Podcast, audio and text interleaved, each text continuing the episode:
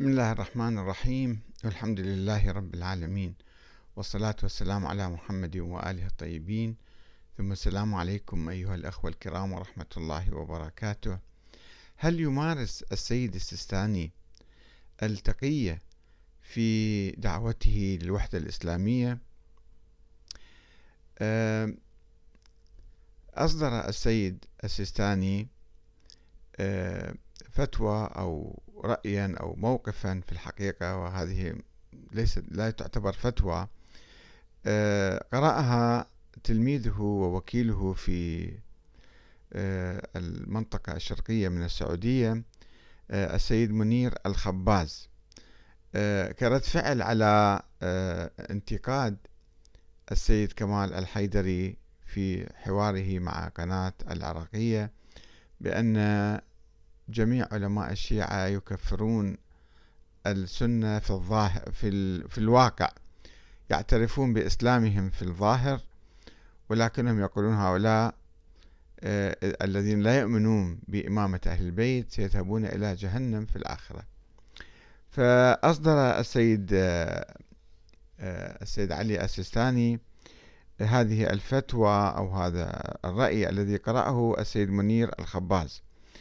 وقال بأن المسلم غير الاثني عشري مسلم واقعا وظاهرا لا ظاهرا فقط. ولذلك فإن عباداته آه، كصلاته وصيامه وحجه وزكاته آه، تكون مجزية ومبرئة لذمته من التكليف بها إذا كانت مستوفاة مستوفية الشروط.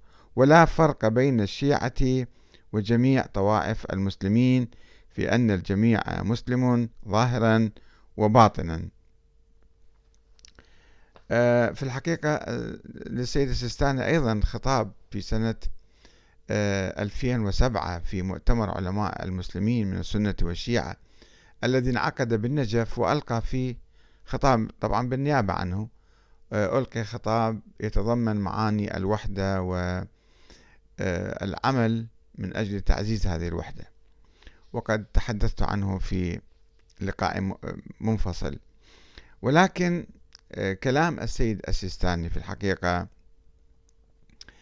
آه، فيه يعني آه، بعض الإشكالات.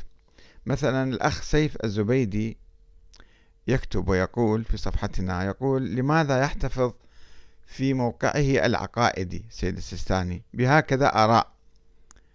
وينقل نصا موجودا في موقع السيد السيستاني. بيان شرطية موضوع الولاية في قبول الأعمال. وقد وردت أحاديث كثيرة تصرح بأن الفاقد للولاية ومنكرها لا يقبل الله عز وجل منه أعماله يوم القيامة. وإن صلى وصام وحج فالولاية شرط في صحة العمل. نعم ينبغي أن نتعامل مع غيرنا بالظواهر. فنحكم بإسلام كل من اعتقد بالأصول وعمل بالأركان. في الحقيقة يبدو يعني السيد السيستاني له مؤسسات كثيرة والذين يعملون فيها أيضا كثر ربما مئات أو آلاف وهم يكتبون ما يشاءون ولا أعتقد أن السيستاني مطلع على كل ما يكتب باسمه وهي مشكلة حقيقة. آه، لا الناس يستطيعون أن يستمعوا منه أو يأخذوا منه ويتواصل معه مباشرة. وهذه المواقع حتى مكتبه يعني آه، في ناس يكتبون كما يشاءون. حتى بالفتاوى أحيانا تصدر فتاوى وبعدين هو يغيرها أو يوقفها أو يراجعها. آه، مثل إعطاء الزكاة للسني لا تجوز مثلا. آه، أو الزواج مكروه أو كذا. في مسائل كثيرة موجودة في في رسالته العملية وفي موقعه وهو يعني ما يثير اللبس أنه كيف هو يقول مثلا السنة لا تقولوا السنة أخواننا هم أنفسنا وفي نفس الوقت يعني يتعامل معهم حسب الفتاوى التي يصدرها بشكل يعني مو أنفسنا ولا أخواننا يعني بشكل آخر كأنه خصومنا أو ناس بعيدين عنا في الحقيقة هذه المسألة آه، يعني هي مراجعة للفتوى. يعني سواء قال السيستاني أو لم يقل قال بتكفير المسلمين أو قال بإيمانهم وإسلامهم. نحن لسنا ملزمين بفتوى ولا يجوز أن نأخذ في هكذا أمور فتوى من أحد.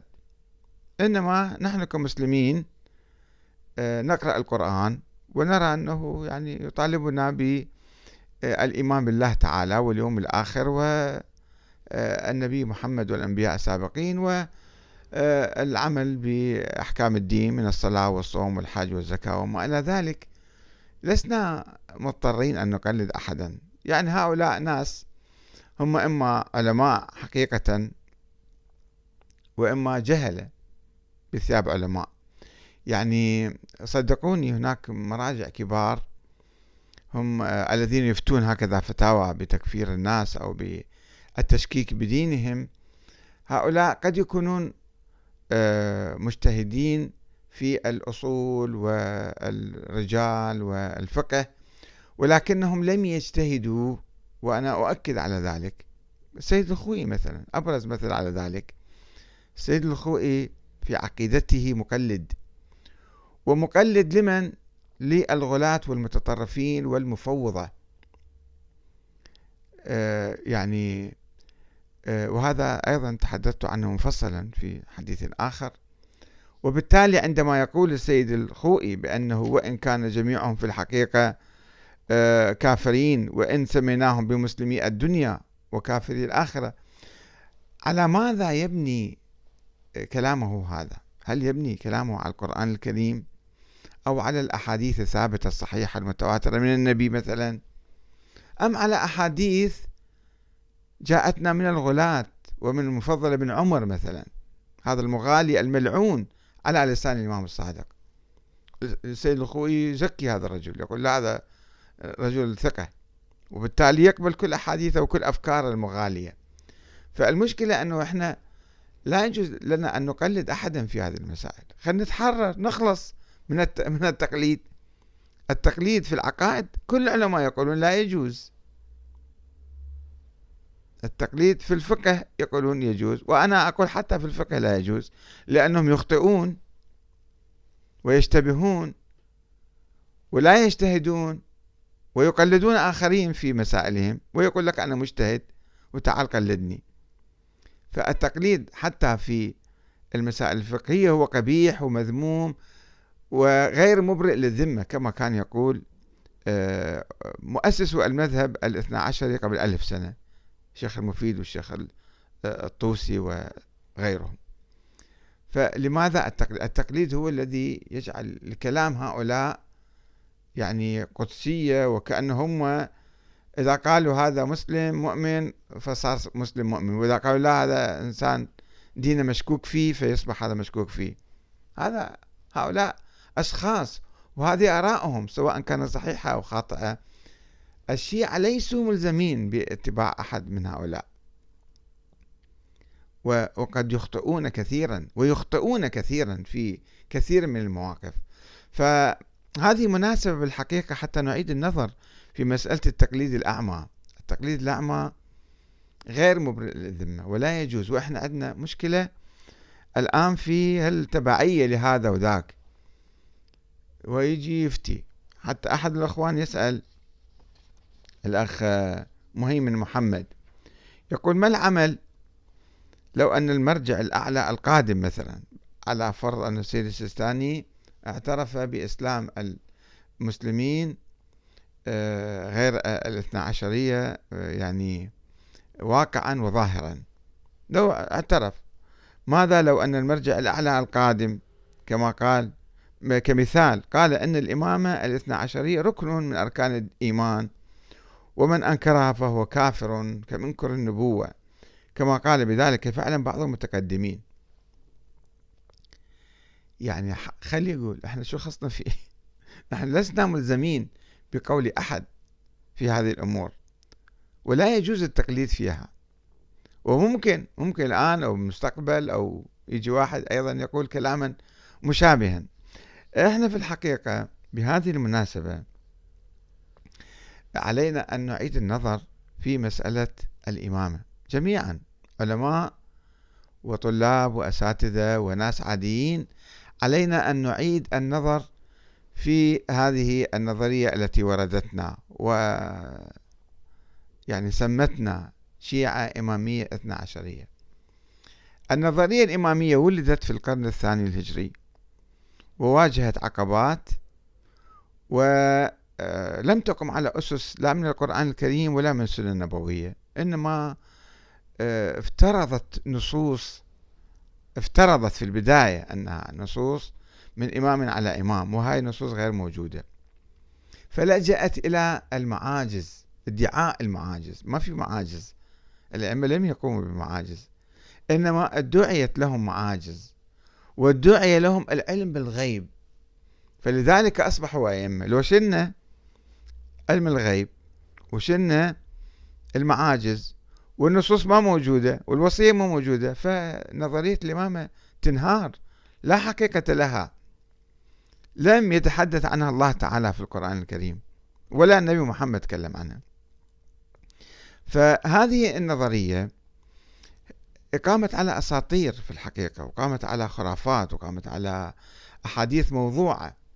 وأيضا في نفس الوقت كانت متطرفة وكانت مغالية. وأنه يجب أن تؤمن وإذا ما آمنت فأنت كافر. وهذه الإمامة ركن من أركان الدين وأصل من أصول الإسلام. كيف تكون أصل من أصول الإسلام والقرآن لم يتحدث عنها؟ بصراحة ووضوح. إلا بالتأويلات التعسفية التي يحاول البعض أن يستدل بذلك. والنبي لم يتحدث عنها. فيجب أن نعيد النظر هذه النظرية ولدت في القرن الثاني الهجري وواجهت عقبات كثيرة لأنه ما كان في لا نصوص ولا معاجز ولا علم غيب ولا ولا يحزنون. ووصلت في القرن الثالث الهجري إلى طريق مسدود بوفاة الإمام الحسن العسكري وما عنده ولد. فانتهت حتى الذين قالوا وافترضوا وجود ولد الإمام الحسن العسكري يعني لم يحصلوا على إمام في الحقيقة. منذ ألف سنة 1200 سنة الشيعة لا إمام لهم. لا إمام معصوم معين من قبل الله.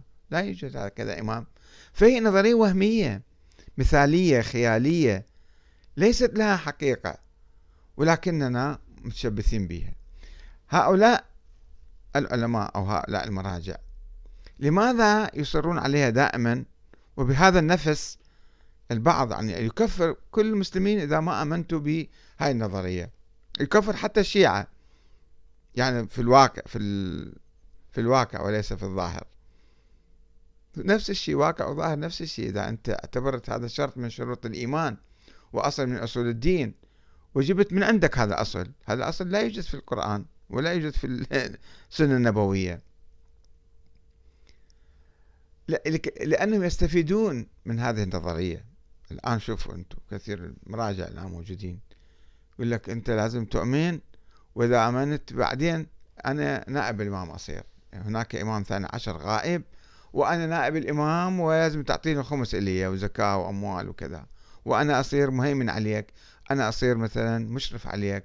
أنا الحاكم الشرعي. أنا ولي أمر المسلمين. يفرض ولايته على الناس. فلكي نتحرر من كل هذه النظريات الاستبدادية ومن هيمنة المراجع اللي بعضهم سما أقول كلهم بعضهم جهلة ومقلدين وأميون. نتحرر منهم ونتحرر من هاي النظرية ونعيش كأخوة متحابين مع بقية المسلمين. سواء هؤلاء المراجع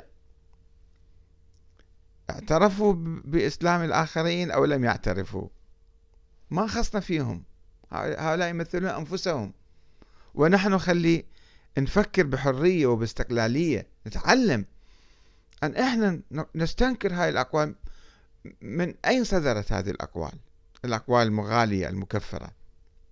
نستنكرها ونرفضها ونردها على أصحابها ولا نؤمن بها. فلو جاء مرجع آخر وقال أصلا لا يحق له التكلم بهذا الموضوع. يعني هذه مناسبة بالحقيقة. يعني ولو عبارات السيد كمال حيدري هزت المرجعية الآن واضطرتهم لإصدار فتاوى أيضا شوية فيها كلام يعني مو واضحة وصريحة جدا. البعض بعض يمكن واضحة فتوى السيد السيستاني يعني يقول نحن نعترف ولو هاي الفتوى حتى الآن منشورة في موقعه. قرأها السيد كما السيد منير الخباز تلميذ السيد السيستاني وقال وصلتني أنا. بالتليفون وصلته أو بالرسالة ما أدري كيف. طيب بحاجة إلى أن نعيد النظر في نظرية الإمامة نفسها.